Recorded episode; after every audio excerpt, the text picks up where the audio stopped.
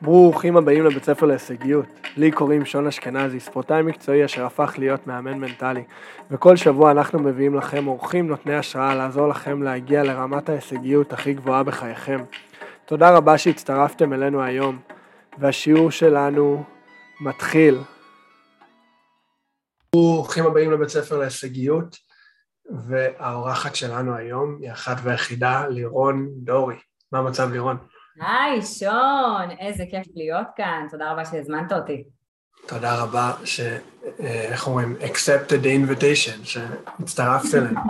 מדהים. ואני כל כך, כאילו זה מרתק אותי הנושא שלנו היום, גם לנו היה פגישה על זה לא מזמן, ואני חושב שאנשים בכלל, אבל במיוחד, במיוחד אנשים צעירים, אה, חייבים את המידע הזה. כאילו זה משהו שלא נוגעים בו בחינוך פורמלי, בבתי ספר, אפילו...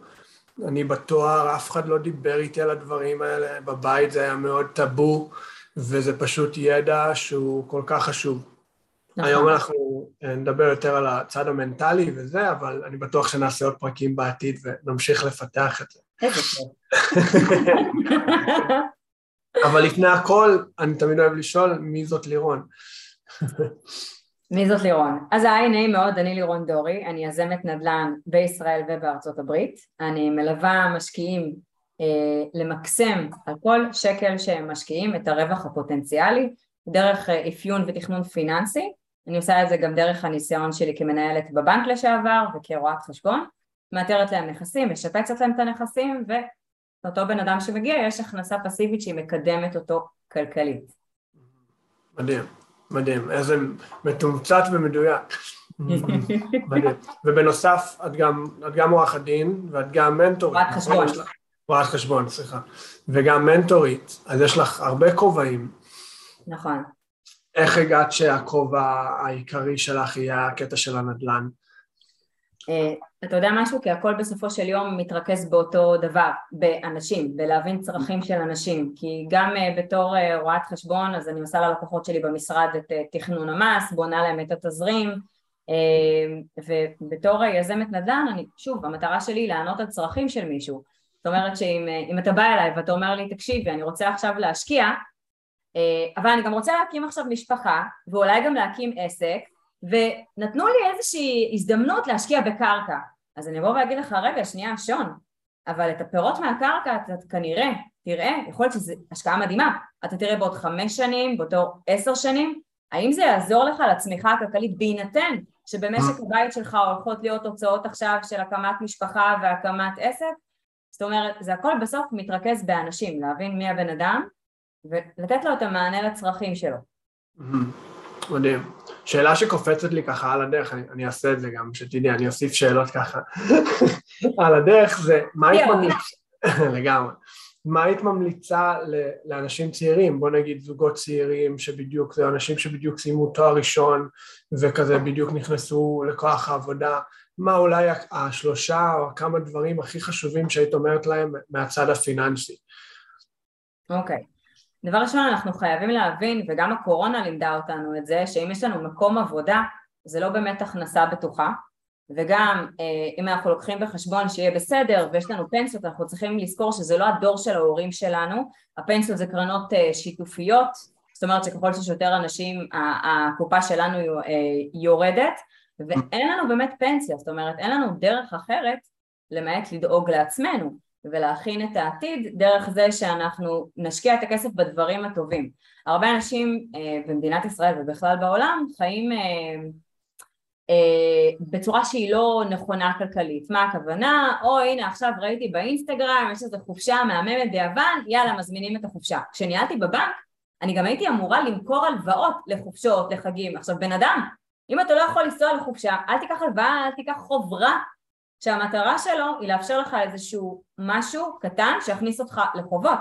תבנה את העתיד הכלכלי שלך, תגדיל את ההכנסה ככה ואז תהיה לך את זכות הבחירה לבחור, לנסוע לכמה חופשות שאתה אה, רוצה, לקנות, אם אתה רוצה לקנות מותגים, לקנות את המותגים שאתה רוצה, אבל לעשות את זה מתוך מקום שהוא נכון כלכלית ולא מקום שמכניס אותך לחובות, כי יש דבר כזה חוב רע, חוב רע זה אם אנחנו מוציאים את הכסף על הוצאה, חוב טוב המשמעות של חוב טוב זה אם אני לוקחת את ההלוואה בשביל לקנות נכס שיביא לי הכנסה פסיבית אם אני לוקחת את זה כדי להקים עסק אם אני לוקחת את זה כדי ללמוד משהו שיקדם אותי בהמשך כלכלית. אז זה המשמעות בין חוב טוב לחוב רע, אז להתנהל נכון כלכלית, לבנות את עצמנו, וגם, אתה יודע משהו שזה מאוד מתקשר לתחום שלך, כל העניין הזה של אה, רכישות, אז אה, יש משהו שנקרא שחיקה הדוניסטית.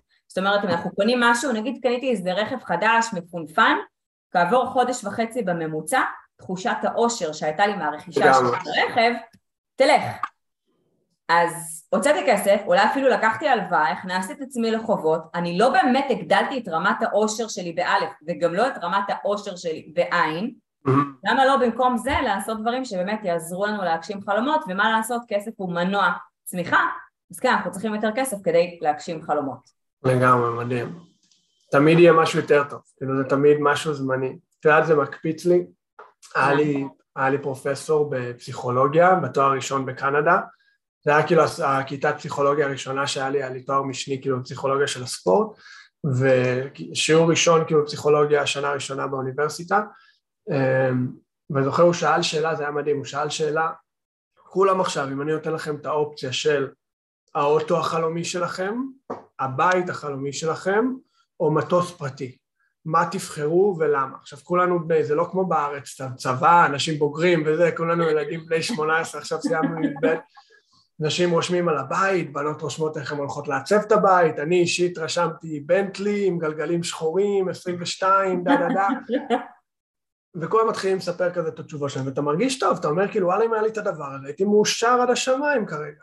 הוא מקשיב לכולם וזה, ובודדים האנשים שאמרו מטוס פרטי. ואז הוא אמר משהו ש, שאני עד היום זוכר, זה עושה לי צמרמורת אפילו לחשוב על זה. אוטו, בית זה זמני, זה רק עניין של זמן עד שאתה תרצה יהיה אוטו יותר טוב או בית יותר גדול או מה נכון. שזה לא יהיה והאושר והשמחה שתקבל מזה היא, היא תלותית והיא זמנית, זה רק עניין של זמן עד שזה יעבור. מטוס פרטי מרשה לך לצבור חוויות וחוויות זה משהו שיישאר איתך לכל החיים, לראות תרבויות חדשות, לראות אנשים שונים, ללמוד על אנשים שונים. זה משהו שאין לו תחליף, וזה משהו שתמיד כאילו נתקע איתי כזה בראש, שדברים חומריים הם זמניים. הדבר שהכי מדהים שיכול להיות לי חומרי היום, עוד שבוע, שבועיים, חודש, שנה, לא משנה מה, יגיע היום שהוא לא כזה ירגש אותי, וזה בסדר, כי, כי אנחנו בנויים ככה לרצות כל הזמן להתקדם, ואבולוציה וזה. אבל כשאנחנו מבינים את זה, פתאום, כמו שאמרת נורא יפה, אנחנו מבחירה בוחרים להתנהל אחרת, ומה באמת חשוב לנו. נכון. זה כל כך קריטי. שאגב, אנחנו לא יוצאים כאן נגד מותגים או דברים כאלה, אין בעיה, זה, זה בסדר, אבל לא לעשות את זה ממקום, אם אני בשלב של הבנייה הכלכלית שלי, זה לא הזמן mm. לבוא ולרכוש דברים כדי שאנשים אחרים יחשבו שאני עשירה. אנשים שהדעה שלהם כנראה לא באמת מעניינת אותי, אנשים שלא אכפת להם ממני, אז מה, רק בשביל מראית עין לבוא ולקבור את עצמי בחוב כלכלי? יש זוגות צעירים שלוקחים משכנתה על נכסים במרכז, ואז מה קורה? אתה משתעבד לכסף.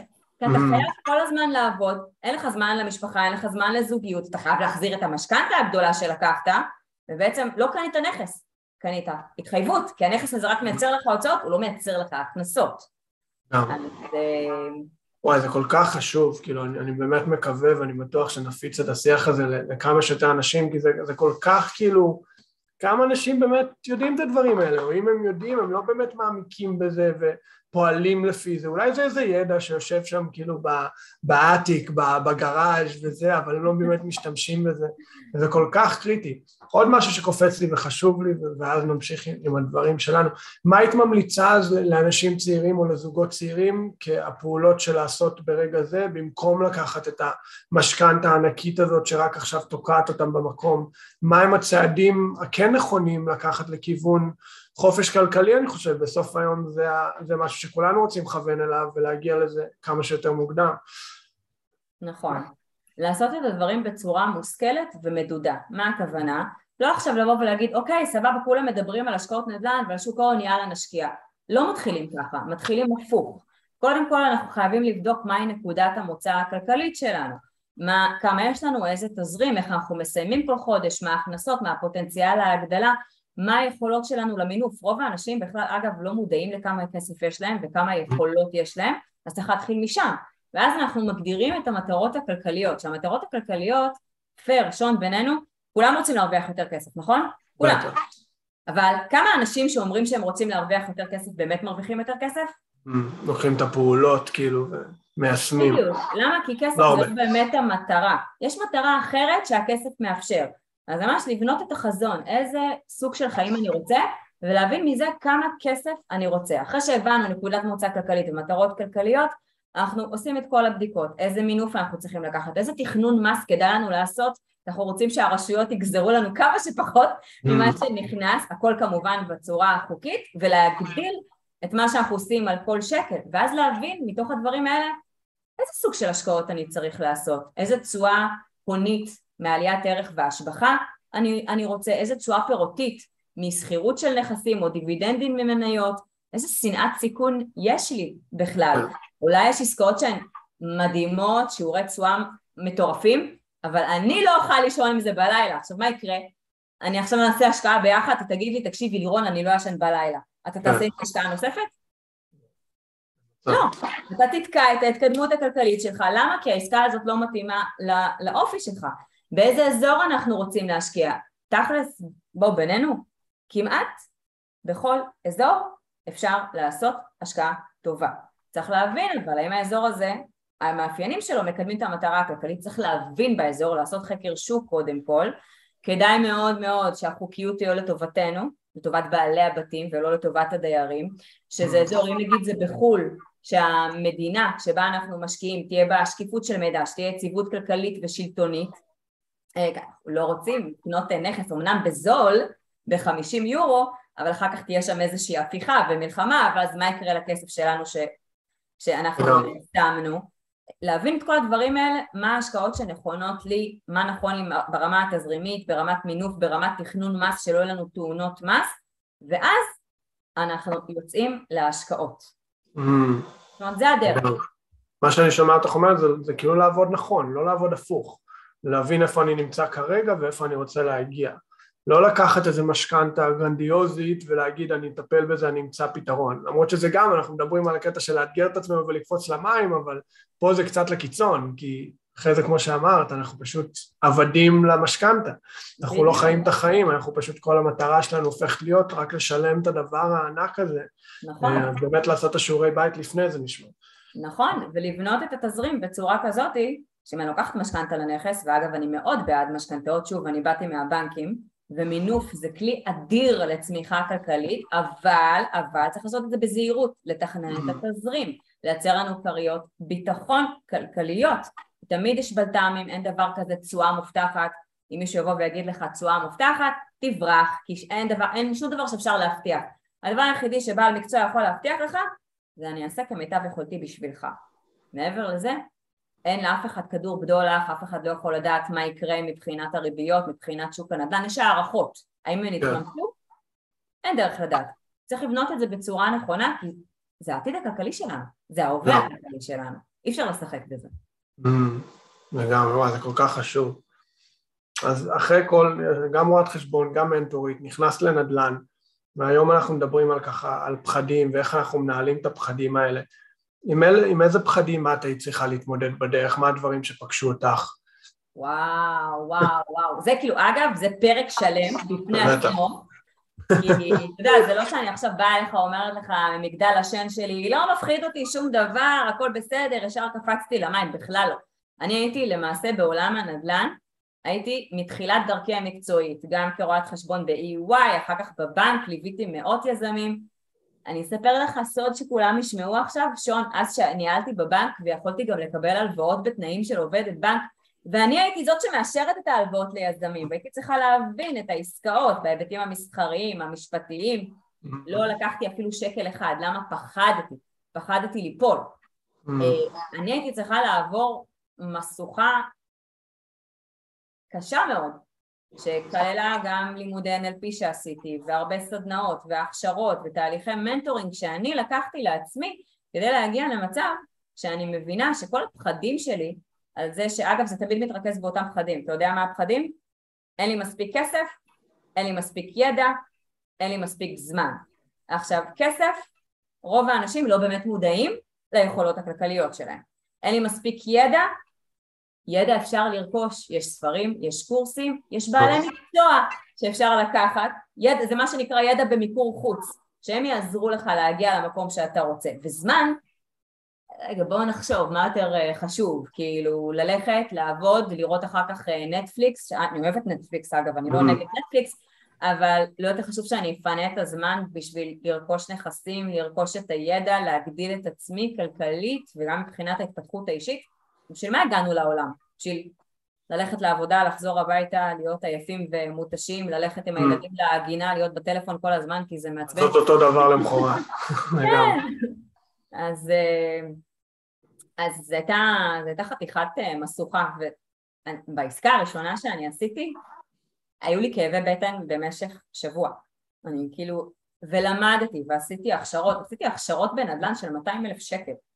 והיה לי את הידע, פיניתי לעצמי את הזמן כי ניהלתי את הזמן, היה לי את הכסף כי ידעתי איך להשיג את הכסף, פחדתי, היו כאבים פיזיים איומים, אבל העניין הוא שמה שקורה שאחרי שפורצים פחד ראשון, מה קורה? יש אסקלציה לפחד. זאת אומרת אם אני מפחדת היום לקפוץ ממדרגה ראשונה, אבל קפצתי מהמדרגה הראשונה, אז הפעם השנייה שאני אקפוץ למדרגה הראשונה אני לא אפחד, אני אפחד מלקפוץ שתי מדרגות, אבל זה בעצם עניין הדרגתי, תמיד יש פחד, פחד הוא גם דבר בריא, זה בסדר, הוא מגן עלינו, אבל זה להבין, הפחד הוא פחד רציונלי או פחד אמוציונלי. אם הוא פחד רציונלי, בוא תפרוט את זה, תגיד, ממה אני חושש? ואז תמצא, תענה לשאלות האלה, איך אני יכול להגן על עצמי מהדברים שאני חושש. אני mm. חושש שירמו אותי? לך תעשה דיו דיליג'נס על הבן אדם, איך תעשה בדיקה. אני uh, חושש שאני אפסיד כסף? אל תתעצל, לך תעשה שיעורי בית, כדי לראות שאתה לא מפסיד כסף. זה מדהים כמה כל כך הרבה, קודם כל זה כמו שאמרת, זה, זה להבדיל בין פחד ממשי, עובדתי, לפחד שאני יוצר באיזשהו מקום שהוא רגשי והוא יצירה שלי, שזה בסדר גמור, זה אנושי, אבל לתת לדברים האלה לנווט אותנו, זה לא נכון לאורך זמן, כי אנחנו כל הזמן נשאר תקועים באותו מקום. ואז השלב הבא זה נשמע שהרבה מהפחדים הבאמת ממשיים, הבאמת עובדתיים האלה, פשוט עניין של שיעורי בית, כאילו תעשה את העבודה, שום דבר טוב לא קורה בלי, בלי בסיס טוב, בלי הכנה. נכון, זה, זה פשוט עניין של מזל, אם, אם פשוט נקפוץ למים ונקווה לטוב, אם באמת יהיה טוב זה פשוט עניין של מזל, זה לא, וזה הכי מפחיד בעולם. נכון. ובאמת, כאילו, אז איך הבאת את עצמך להגיע לנקודה הזאת של באמת לקחת את הקפיצה הזאת עם כל הכאבים פיזיים שאת מתארת וכל הדברים האלה שחווית באותה תקופה, מה היה הנקודה שאמרת כאילו זהו אני נכנסת all in?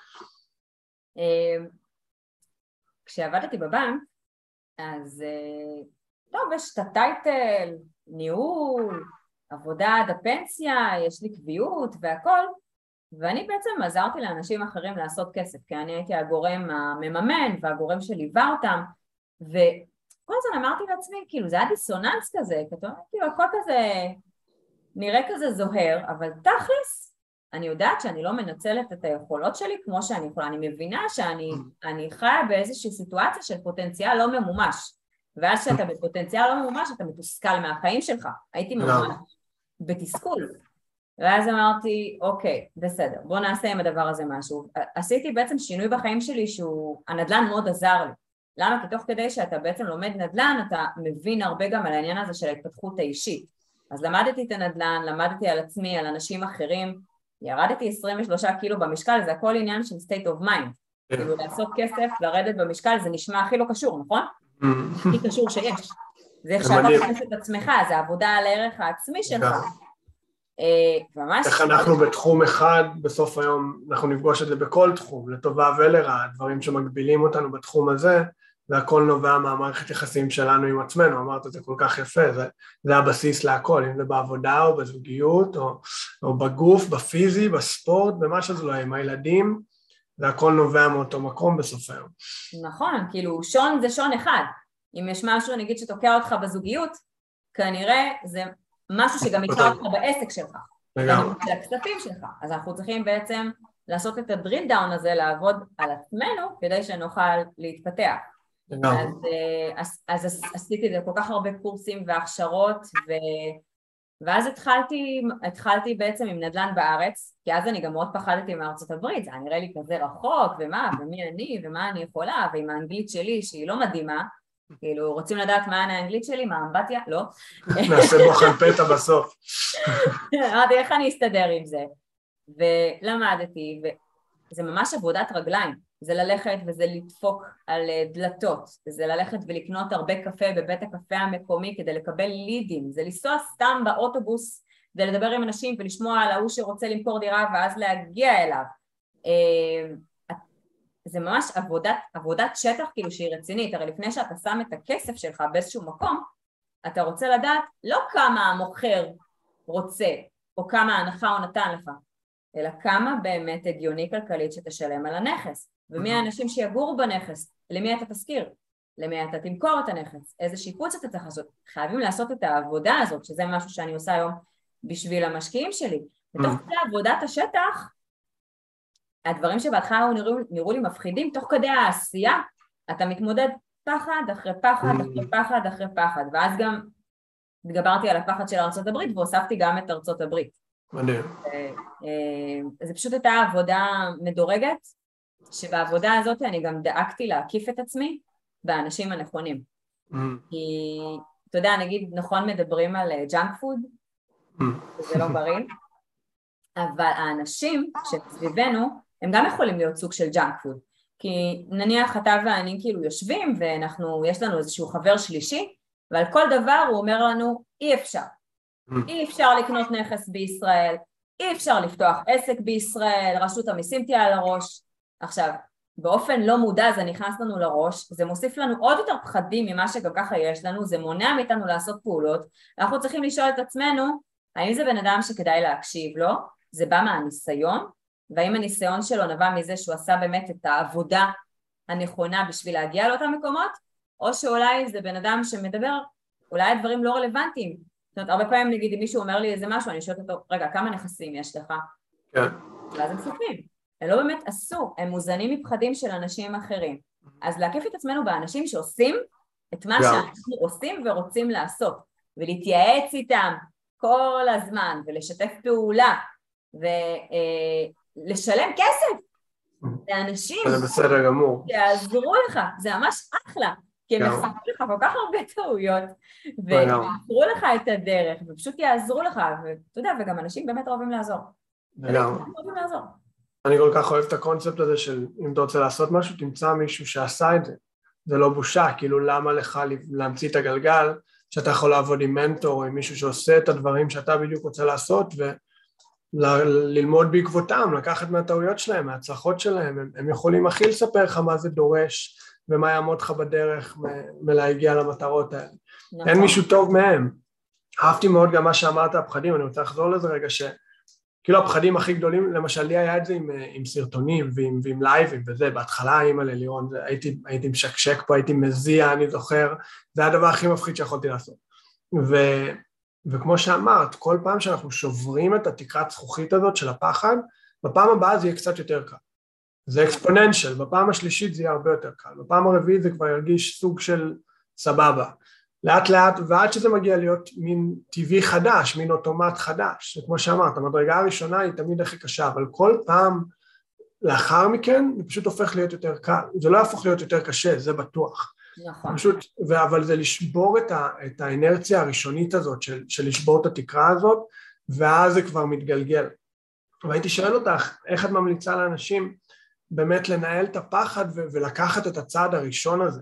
מה את היית אומרת להם? אוקיי, זה באמת לעשות את ה... אה, לבוא ולשאול את עצמך, ממש לעשות מטריצה של קבלת החלטות. איך לעשות את זה? נגיד אני עכשיו מחליטה שאני לא משקיעה. לא משקיעה. לעשות רשימה. מה הסיבות שאני לא משקיעה? עשיתי רשימה של הסיבות ואז אני מחלקת את זה לטבלה. מהן הסיבות הריאליות, הרציונליות? מהן הסיבות האמוציונליות? את הסיבות האמוציונליות אני מבינה שאין בזה הרי שום דבר, הרי זה רק אני וזה רק בראש שלי. הסיבות הרציונליות, חשוב לתת עליהן מענה, חשוב להתייעץ עם בעלי מקצוע, עם אנשים שעשו את זה ולראות, אוקיי, יש כאן איזשהו סיכון? סיכון בכל דבר בחיים, נכון? בכל דבר. אין, אין דבר בלי סיכון, אין דבר כזה. יש סיכון? מה המענה, איך אני מגדרת את הסיכון כדי שאני לא אפול בזה, או לחילופין, אם יקרה המקרה, אם יקרה איזשהו בלטה, יש לי מספיק כריות ביטחון ויש לי את הדרכים להתמודד עם זה כדי שאני בעצם יכולה להמשיך להתקדם. אז עשיתי לי את הטבלה לכל הפחדים הרציונליים, נתתי את המענה, ממש מענה מקצועי של איך אנחנו עושים את זה בצורה נכונה ובטוחה, את האמוציונלי אנחנו מחליטים לשים בצד כי אנחנו מבינים שזה רק בראש, ואז אנחנו עוברים למטריצת קבלת החלטות. יש קבלת החלטות, אה, נכון שתמיד אומרים שקבלת החלטות צריך אה, לקבל החלטה מהר, אבל לשנות את דעתך לאט. נכון, קראתי את זה בדיוק בספר אתמול, לגמרי. בדיוק. עכשיו, יש הבדל אבל בין קבלת החלטות פזיזה לבין קבלת החלטות מהירה, החלטית, מבוססת נתונים. קבלת החלטות פזיזה זה היה וואלה בוא נקפוץ למים, שמעתי מישהו עושה זה, שמעתי זה, מתקדמים. לא, יש לי עכשיו החלטה, אני צריכה לשאול את עצמי, האם יש לי את כל המידע הדרוש לי לקבלת ההחלטה? אם כן, מקבלת את ההחלטה. אם לא, מה המידע שנדרש לי, איך אני משיגה אותו, ועכשיו להשיג את המידע. קיבלתי את כל המידע, מקבלת החלטה. זה שאנשים באים ואומרים אני צריך אה, לחשוב על זה, אין באמת דבר כזה. כשאתה אומר לי אני צריך לחשוב על זה, אתה בעצם החלטת שלא להחליט. תחשוב על זה, ותחשוב על זה, ותחשוב על זה. אתה לא תקבל החלטה לכאן או לכאן. אבל שוב, יש הבדל בין לעשות את זה פזיז לבין לעשות את זה מבוסס נתונים. לקבל היום, עכשיו, מיידית, את כל הנתונים שצריך, לבדוק את הכל ולקבל החלטה. הפכת את זה ממש למתמטי, עם הטבלאות וזה, זה מדהים, זה כל כך מחושב ונכון, וזה לבנות את ההרגל, להתחיל להסתכל על הדברים ככה, כאילו, כי בסוף היום כל האמונות המקבילות האלה וכל הדברים האלה שהם לא ממשיים, זה ינהל אותנו. כולנו חווים את זה במקום אחד או אחר, אבל על אחריותנו להכניס שם מודעות, להבין שזה יצירה שלנו, וזה קשה, זה הדבר הכי קשה בעולם, אבל כמו שאמרנו, ככל שאנחנו מתרגלים את זה יותר, זה הופך להיות האוטומט החדש, ופתאום אנחנו מתעסקים במציאות ובעובדות, ולא בכל הסיבות האלה, למה כן או למה לא. גם את, אני אוהב להגיד כאילו בכדורסל למשל, על כל העניין הזה של להישאר מאוזנים. כאילו אם אני קולע עכשיו 40 נקודות, זה לא משקף על מהותי שחקן טוב, כמו שאם אני חושב שאני הולך, הולכים להפסיד, או השופטים לא הולכים לשרוק לי מה שזה לא הולך, כי לא זה ולא זה עובדתי. שניהם זה משהו אמוציונלי שאני, שזה לא באמת מי שאני, שאני כל הזמן חוזר ל... אוקיי, כבסיס, אני סבבה, אני טוב, אני יודע, יש לי, עשיתי את השיעורי בית כמו שדיברנו, שם זה עובדתי, שם יש לי שליטה, זה בסיס לבנות ממנו, אם אני כל הזמן מתעסק במה הולך להיות, מה לא יהיה, לטובה ולרעה, אני לא מאוזן, אני אף פעם לא אוכל לקבל החלטות טובות מהמקום הזה, כי אני כל הזמן מתעסק בדברים שכמו שאמרת, אמוציונליים, הם, הם לא עובדתיים, וזה נכון. תרגול, זה תרגול, זה, זה נשמע פשוט אולי על הנייר או בפודקאסט, אבל זה כמו כל דבר, זה לתרגל וזה הולך ומשתפר עם הזמן. זה תרגול מתמיד, זה, אתה יודע, יש כאילו את, ה, את כל הגורואים בשקל וכאלה, שזה נראה שהחיים שלהם מושלמים, הם תמיד מקבלים את ההחלטות הנכונות, והם תמיד עושים את זה מהיאכטה שהם גרים בה. אין דבר כזה מושלם. גם בן אדם שהוא מודע לעצמו, הרבה פעמים בורח לברירות המחדל שלו, מה, אני לא מפחדת מדברים, מפחדת מדברים, אבל זה כמו שאתה אומר, זה כל יום לעבוד על זה ולעשות את המתמטיקה הזאת, אתה יודע, זה כאילו אה, הרבה אנשים מסתכלים על המחיר שהם עלולים לשלם אם הם יקבלו את ההחלטה, זאת אומרת, אני נכנס להשקעה, אני עלול להפסיד כך וכך, mm-hmm. אבל אף אחד לא מסתכל על המחיר של אי קבלת ההחלטה, המחיר שאתה לא מייצר לעצמך את ההכנסות, המחיר שעם האינפלציה אתה מפסיד כל שנה אה, חמישה אחוז. אתה לא הולך ואתה לא מגשים את החלומות שלך, אתה אה, מתוסכל, זה משפיע על הזוגיות שלך, משפיע על הילדים שלך, זה חתיכת מחיר שאנחנו משלמים אם אנחנו נותנים לפחד לנהל אותנו במקום שאנחנו ננהל את הפחד, כי אם הפחד מנהל אותנו, אז החיים שלנו לא באמת בשליטה שלנו. לא. הפחד משפיע על הפעולות שלנו. ההישגים שלנו לא יהיו ההישגים שאנחנו יכולים להגיע אליהם, רמת העושר שלנו לא תהיה אותה רמת עושר, אבל זה עבודה, זה לא, אה, לקחתי את זה לא ורוד על הבוקר, חגיגה. איזה גלולת קסם שלמחרת בבוקר אתה כן. קם וזה הדבר הכי קל בעולם. אם יש כזו אני קונה, אם יש כזו אני קונה מיד. אבל תאמין לי, גם זה זה יחזיק, כי זה פשוט יהיה, זה רק עניין של זמן שדברים יצוצו, וכמו שאמרת, אוטומט יחזור. נכון. כי זה, זה תרגול תמידי, אני, אני כל כך אוהב את המשפט הזה, כאילו אין, אין קו סיום. ולא כאילו אני אגיד לך יום אחד, יואו, לירון, הגענו, אנחנו מושלמים, אין, אין פחדים יותר, חי כמו איזה גורו על איזה יאכטה. זה לא קיים וזה לא יהיה. אני אגיד לך את האמת, אנחנו גם לא רוצים את זה, זה משעמם מבחינתי, כאילו שלא, שלא יהיה אתגרים יותר. Um, כן, זה כל כך נכון, שכחתי מה באתי להגיד. אבל um, עם, הנושא, עם הנושא הזה, אז כן, אני אשמח לשמוע ממך כל מיני דברים שאת התמודדת איתם, כל מיני בלת"מים שצצו, כמו שאמרנו, הדברים האלה יקרו, כאילו החיים יקרו, אני תמיד אוהב להגיד, כאילו החרא יגיע, זה רק עניין של זמן. השאלה אם הדבר הזה יוציא אותנו מאיזון לשנייה או לדקה או לשעה או ליום, לשבוע או לשנה, או שכל החיים שלנו, כמו שאמרת לפני, אנחנו עכשיו נישאר במקום ונהיה תקועים בגלל הבלת"ם הזה. איך את, איזה דברים פגשו אותך קודם כל ואיך את התמודדת איתם, זה מאוד מעניין. תראה, היה לי חתיכת בלת"ם רציני.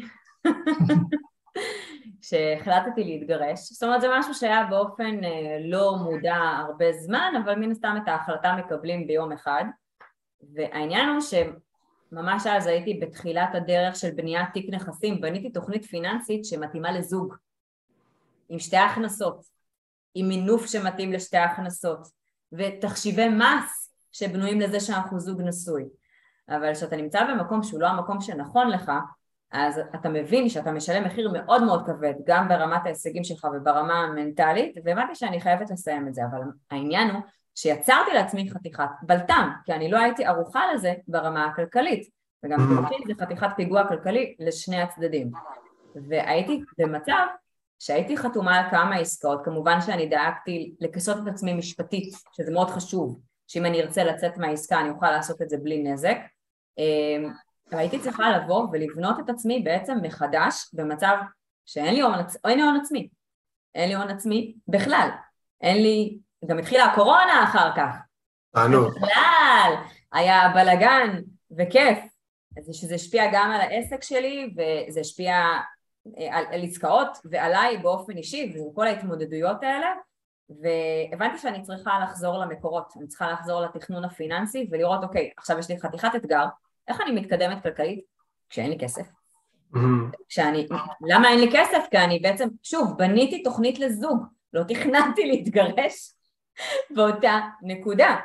ואז זה, האתגר הזה, מה שהוא גרם לי, הוא גרם לי בעצם לייצר פתרונות, גם פיננסיים וגם בעסקאות נדל"ן, של איך באמת אני מתקדמת, גם בצורה שהיא בטוחה שלא תסכן אותי, כי אין לי עוד גף כלכלי, זה רק אני, וממש לבוא ולבנות לעצמי הווה כלכלי טוב יותר ועתיד כלכלי טוב יותר. ואז הגעתי למימון יצירתי, איך אני רוכשת נכסים נגיד בארצות הברית שהמוכר בכלל מממן לי את הרכישה של הנכס. למה זה טוב לו? כי מבחינתו זה טוב מבחינת שיקולי מס. אה, איך אני משיגה אמון שהוא נכון לי תזרימית ויעזור לי להתקדם. זה כאילו זה דרש ממני להעלות את, ה... להעלות את הרמה. אני חושבת שזה מאוד עזר לי אגב, אני כאילו שמחה על הבלטם הזה, כי זה מאוד מאוד כן. קל לעשות כסף, שיש לך כסף. כן.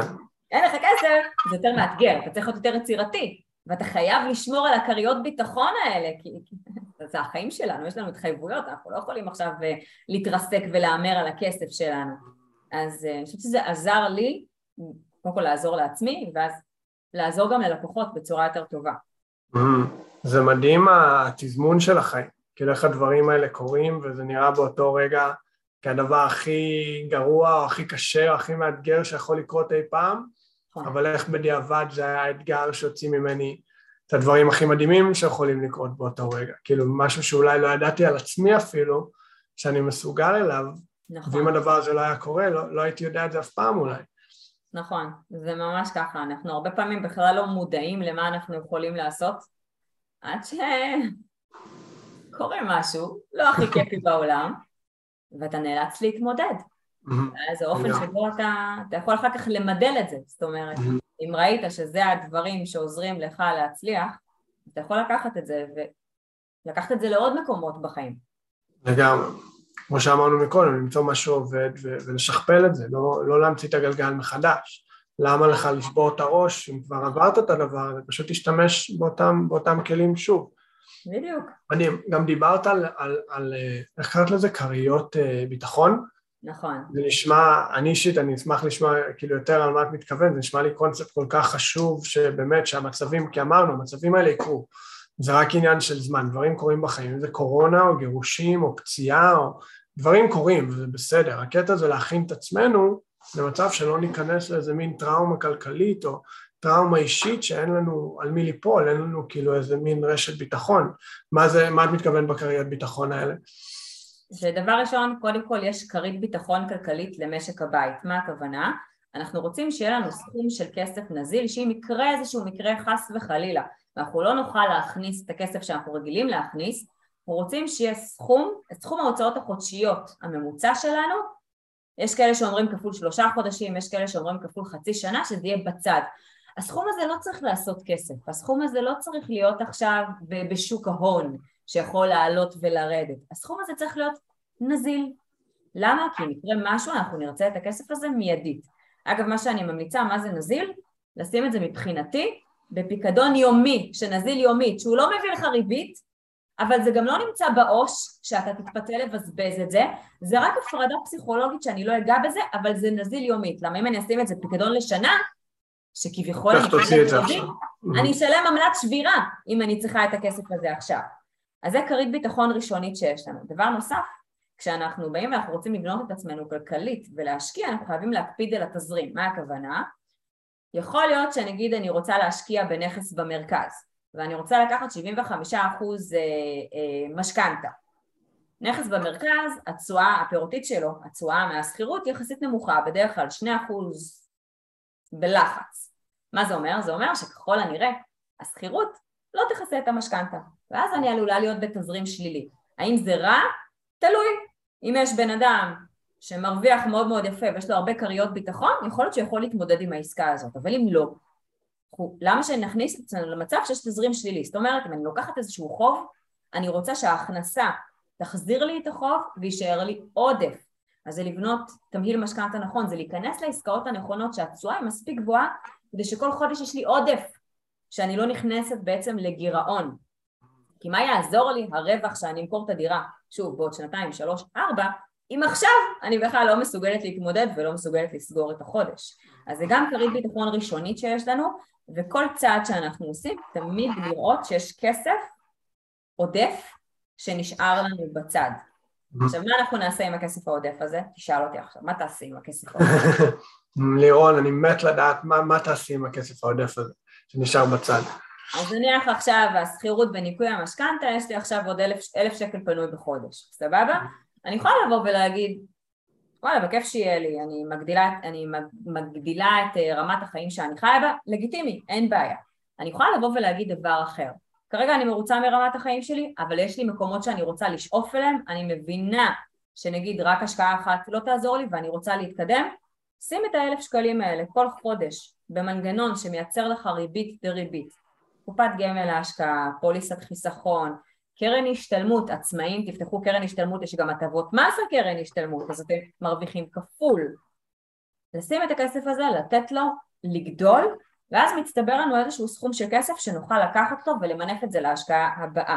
זאת אומרת, ככה אנחנו בעצם מתקדמים כלכלית. ככל שאנחנו נפריש יותר, אתה יודע, אנחנו מש... חלק מהכסף שאנחנו מרוויחים אנחנו מפרישים לצריכה שוטפת שיש לנו. חלק מהכסף הולך נגיד לבלת"ם, חלק מהכסף חייב באופן קבוע, בדרך כלל בין 30% ל-40% לעבור להשקעות, כדי שאנחנו נוכל לבטח את עצמנו כלכלית ולגדול, וגם, אם אתם רוצים, זה משהו שאני עושה, 10% מעשר לתרום. לגמרי, חשוב, מדהים. עוד פעם, כאילו לעשות את השיעורי בית, להיות מוכנים, יש את הכרית הזאת של, ה, של הכסף בצד, ואז את כל ההכנות האלה וכל החשיבה קדימה הזאת שהיא, שהיא כל כך לא מדוברת, כאילו זה אולי נראה מובן מאליו, אבל כמה אנשים באמת עושים את זה? כמה, איזה אחוזון מהאוכלוסייה מנחשת יש להם את הכריות האלה באמת? פחות מאחוז. זה מטורף. לצערנו, כן, כי רוב האנשים, אני באמת, אני ראיתי את זה בבנק, שם נפל לי האסימון. ראיתי איך אנשים חיים מעל הפופיק. מה זה מעל הפופיק? לא רואים את הפופיק מרוב שזה אה, גבוה. אה, העיקר בשביל לעשות כל מיני דברים שהם שוב לא באמת מקדמים את רמת העושר. במקום mm-hmm. לבוא ולהתנהל כלכלית בצורה נכונה ולבנות את עצמך. אנחנו לא יכולים לסמוך על המדינה. מוסד לביטוח לאומי דובר עליו רבות שהוא הולך לפשוט את הרגל כנראה לפני שנת 2040 הפנסיות שלנו לא בטוחות. אנחנו לא נדאג לעצמנו, מי? אחלה. כל כך חשוב. וואו, הלוואי שיהיה את השיחות האלה יותר ואנשים ייפתחו ל, לרעיון הזה של, של, של חינוך פיננסי, כי באמת אף אחד לא, מה נקרא לזה, מרשה לנו את השיח הזה, כאילו זה לא קורה בבתי ספר, נדיר האנשים שזה לא טאבו אצלהם, אם זה במשפחות, עם הילדים, אם זה, אה, זה כל כך כל כך חשוב, זאת אומרת אחד אחוז, זה כן, זה, מטורף בעיניי. נכון.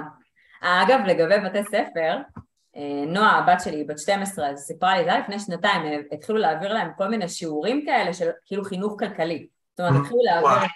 עכשיו, היא כל הזמן שומעת אותי, מדי פעם שאני מעבירה קורסים, אז היא באה, היא שומעת, אה, כאלה, מסתלבטת על הסרטונים שאני מעלה לטיקטוק וכאלה, אבל היא לומדת מזה.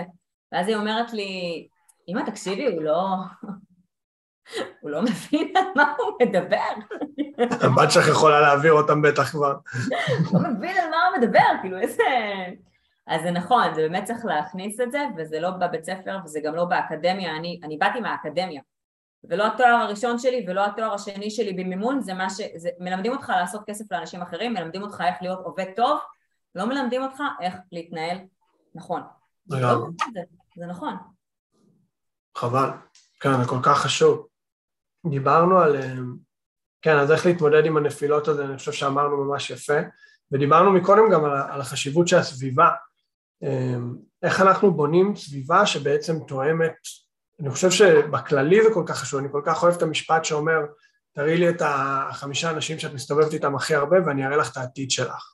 וזה אולי לא מחלחל באותו רגע, אבל זה כל כך נכון, כי בסוף היום, מי שאנחנו מבלים הכי הרבה זמן, במודע או לא במודע אנחנו ננתב את ההתנהלות שלנו, את ההתנהגות שלנו, את המטרות שלנו אליהם, כי בסוף היום אנחנו יצורים חברתיים וזה יקרה, אם אנחנו רוצים או לא זה יקרה, וזה כל כך חשוב לשים לב לזה, אבל אולי מעבר לחיים ולהתפתחות אישית, מהפן הפיננסי, מהמטרות הפיננסיות שיש לי, איך אני יכול לנתב ולבנות את הסביבה שהיא באמת מאפשרת לדבר הזה לקרות. זה בעצם אה, להסתכל על עצמך לראות מה החוזקות שלך, לראות לאן אתה רוצה להגיע והמקומות בעצם של החוזקות שלך תמצא אנשים שיעזרו לך לחזק את החוזקות שלך כי הם גם מדברים על אותם תחומים, רוצים את אותם הישגים או שכבר השיגו. והמקום השני של החולשות, אני לא בעד לעבוד על חולשות, יש הרבה שאומרים כן תעבוד על החולשות. אם זה החולשות שלי וזה לא נובע ממקום של פחד אלא ממקום אמיתי שאולי אני פחות טובה בזה, אובייקטיבית מישהו אמר שאנחנו חייבים לדעת את הכל? לא, אה. המנהל הכי טוב אגב, זה מנהל שסוחר עובדים שהם יותר טובים ממנו והם עושים את מה ש... והוא מנהל אותם, הם עושים את מה שהוא לא יודע לעשות, כי זו בדיוק אה. המשמעות. אז נניח אתה אמרת, אוקיי, נגיד אני חלש עכשיו ב, אה, במימון, אני לא יודע מאיפה אני משיג הלוואות, איך אני משיג משכנתאות, אתה חייב שיהיה לך צמוד, איש הלוואות, איש משכנתאות. אתה אומר, אני לא טוב בכל העולם הזה של אה, באמת אה, איך אני בונה תוכנית עסקית לעסק שלי, איזה מוצרים צריכים להיות בעסק שלי. אז או שאתה הולך ואתה משלם למישהו בכיף ובאהבה, כי מה שאתה תקבל מזה זה בהרבה יותר ממה שאתה משלם, או שאתה שוב, אתה מוצא סביבה של בעלי עסקים שהם עושים את אותם דברים ועושים סיעור מוחות מדי פעם. זה כאילו לחזק את החוזקות דרך אנשים ואת החולשות מיקור חוץ. שמישהו אחר יבוא ויעזור לי, זה ממש בסדר, אנחנו לא מושלמים. אתה, אתה, אתה, אתה קרוב לזה אגב, שון, קרוב ללהיות מושלם, אבל זה בסדר, מי צריך להיות מושלם? לא מחפשים את זה גם. תמצא את האנשים הנכונים ש- שיעזרו לך להגיע לאן שאתה רוצה, זה ממש בסדר, זה אפילו מומלץ. לגמרי, לא, זה מדהים. כאילו ניפץ פה שני מיתוסים שאני חושב ש... שאם אנחנו לא מודעים אליהם, הם כל כך מגבילים. כאילו, אחד זה העניין של איך מלמדים אותנו תמיד לשפר את מה שאנחנו לא טוב, טוב, טובים בהם. כאילו הדברים שאנחנו לא יודעים לעשות בואו נלמד, למה?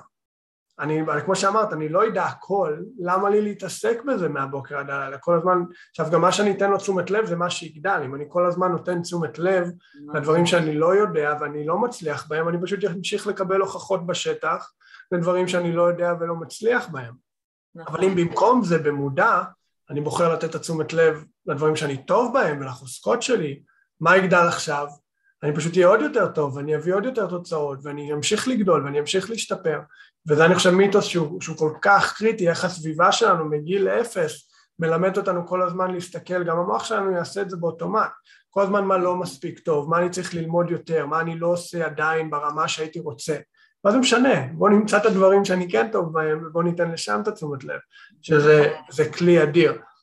והקונספט הזה גם שאני עכשיו אולי מתחיל ללמוד אותו של כאילו outsourcing, שדברים שאני לא יודע, למה לי לשבור את הראש על זה? הזמן והאנרגיה שלי כל כך חשובים, למה לא פשוט למצוא מישהו שיודע? וזה בסדר. אני, אני לדעתי האישית, ואני אשמח לשמוע מה את חושבת על זה, שמה שמונע מאיתנו לעשות את זה שם, זה כאילו ה, להגיד שאני לא יודע. להגיד שמישהו אחר יודע יותר טוב ממני.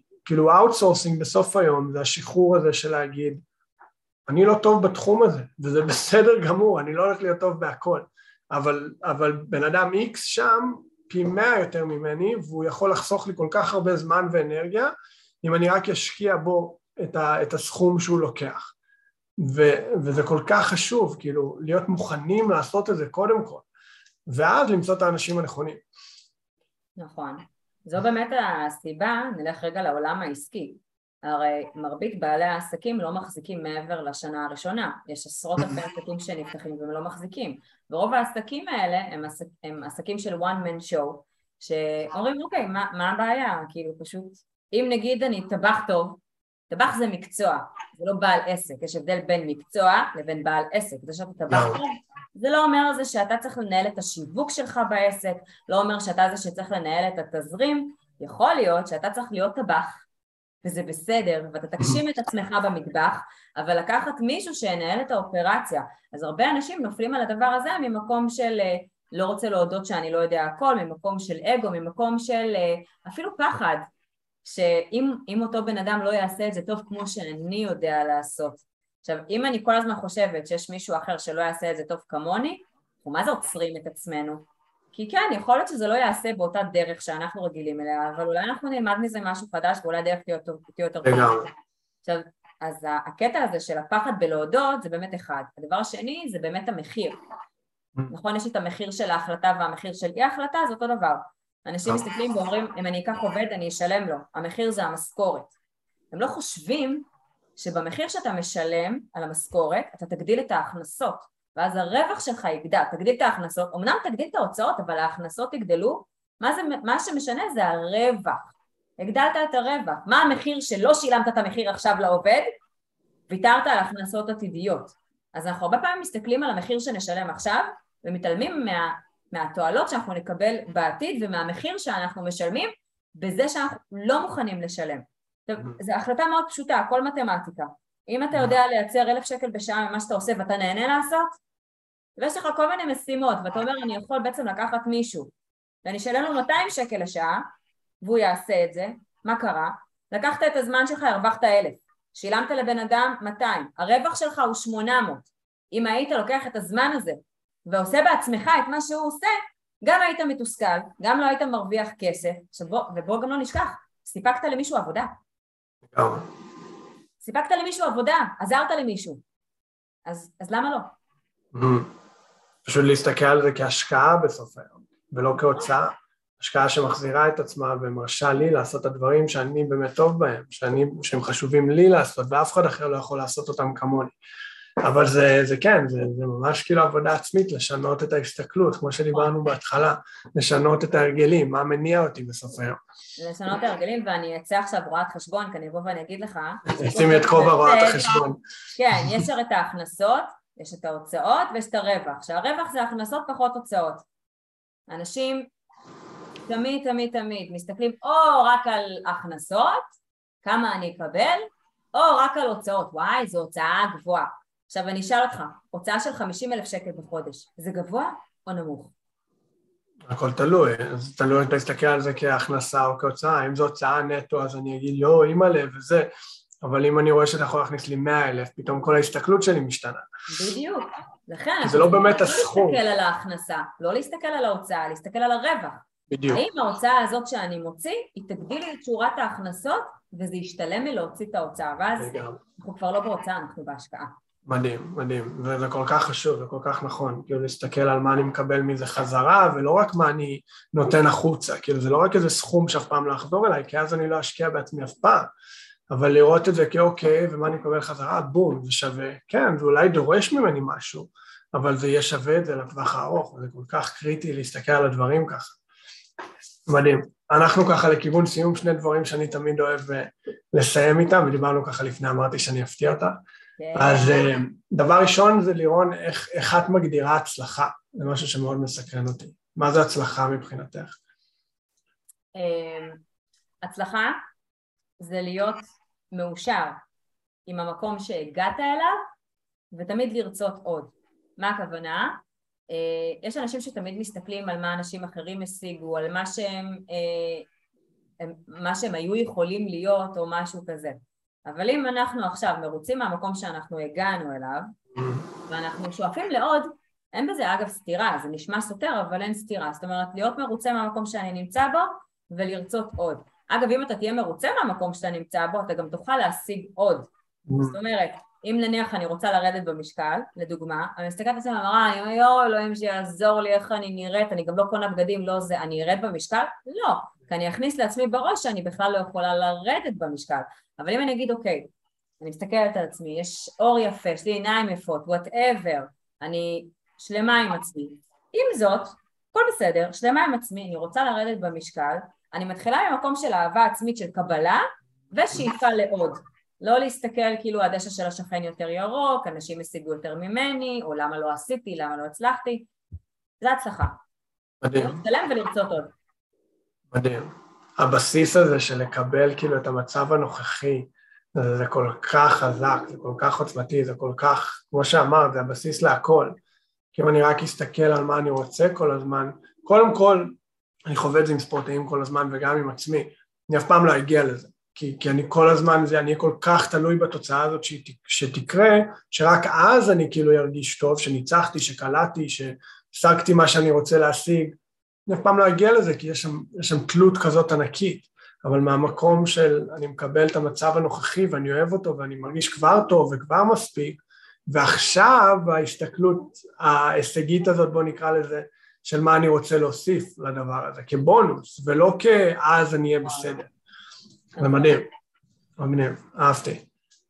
והדבר האחרון זה, אם היית יכולה לתפוס את לירון ככה בתחילת דרכה, לא יודע עם איזה כובע, אם זה הוראת חשבון או המנטורית, אבל בוא נגיד בתחילת הכל, שממש יצאת לדרך העסקית והעצמאית הזאת, והיית יכולה ככה לתפוס אותה הצידה וללחוש לה משהו באוזן, שהיה חוסך לה אולי המון אנרגיה והמון כאבי ראש לאורך הדרך ולאורך הקריירה, מה היית אומרת לה?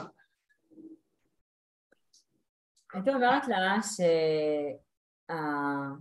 שהחיים שלך הם תלויים בך.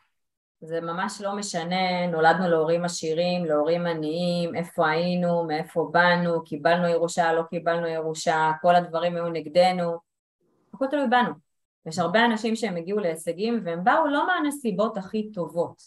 אז זה אומר שאם אנחנו מחליטים שאנחנו, העסק הכי, הכי חשוב אגב זה אנחנו, זה לעבוד בזה, לעבוד ולייצר לנו את החיים שאנחנו רוצים וזה לא קל, זה לא פשוט, שוב זה לא גלולת הפלא וזה לא לקנות קורס ב-99 שקל, הנה החיים שלך השתנו, תהיה מוזר כסף, לא, זה לעבוד בזה וכל הזמן לנצח את הפחדים, לקבל את ההחלטות הנכונות, אה, לייצר את החיים שאתה רוצה לעצמך. מדהים, מדהים, ואני מרגיש שאת מיישמת את זה לכל דבר, אז כאילו מה שהיית אומרת לה בדיעבד לדעתי האישית, את, ממש רצה עם זה וזה כיף לראות. אני רוצה להוקיר אותך, לירון, באמת, על, על העבודה המדהימה שאת עושה וההשפעה שיש לך על אנשים. אנחנו מכירים אמנם זמן קצר, מה הכרנו? לפני שבועיים היה לנו פגישה והנה אנחנו כבר עושים פרק. עם, עם כל האורחים היו מתקתקים ככה, ואימא'לה. מדהים, ובאמת להוקיר אותך על, על ההשפעה שיש לך על אנשים, ואנחנו רק בתחילת ההיכרות שלנו, ואני בטוח שעוד נבנה שת"פים ופרויקטים בעתיד, ו... זה כיף לראות אנשים שלא רק שיש להם המון ידע והם מאוד מקצוענים ומנוסים בתחום שלהם, הם גם מאוד באים מנתינה. וכמו שאמרת, כאילו אתה נותן לבן אדם עבודה, אתה נותן לבן אדם פה הזדמנות. אמ, זה כל כך חשוב וזה כיף לראות, ואת לגמרי מיישם את כל מה שאת אומרת, יש את האנשים שאומרים משהו אחד ועושים משהו אחר וזה זה באמת כיף לראות אנשים כאלה, ורק שתצליחי, זה באמת, זה מדהים. אמן, תודה.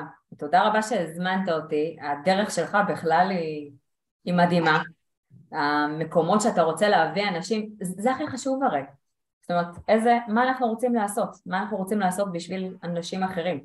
זה אגב, זה לא משהו שהוא לא אנוכי, זה אנוכי, כי מן הסתם אנחנו עושים בשביל מישהו אחר, אנחנו מרגישים יותר טוב עם עצמנו, זה סבבה, זה ממש בסדר, אבל זה כל כך יפה, כי המניעים שלך הם כל כך נכונים, והמתודה שלך היא נכונה.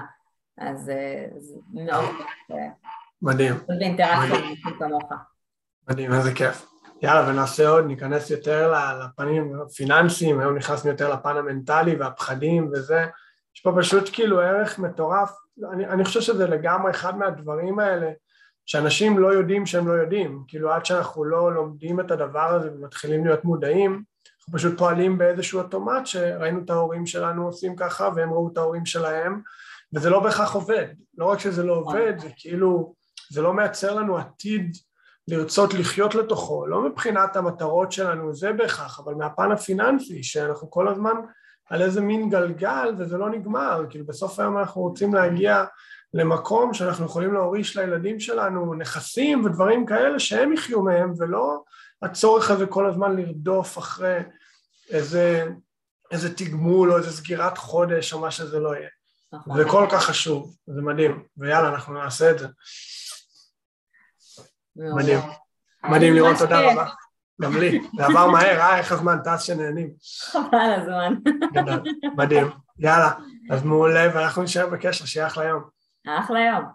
ביי, לירון, תודה. תודה. זה היה עוד פרק של בית ספר להישגיות. כיף שנשארתם איתנו עד סוף הפרק ומקווה שנהניתם מהשיחה שלנו. אם לקחתם משהו לחיים האישיים שלכם מהשיח הזה, אני מפציר בכם לשתף את הפרק הזה עם העוקבים שלכם, או עם כל מי שהפרק הזה יכול לתרום לו או לה. תודה שהצטרפתם אלינו היום, שיהיה יום נהדר, נתראה בפרק הבא של בית ספר להישגיות.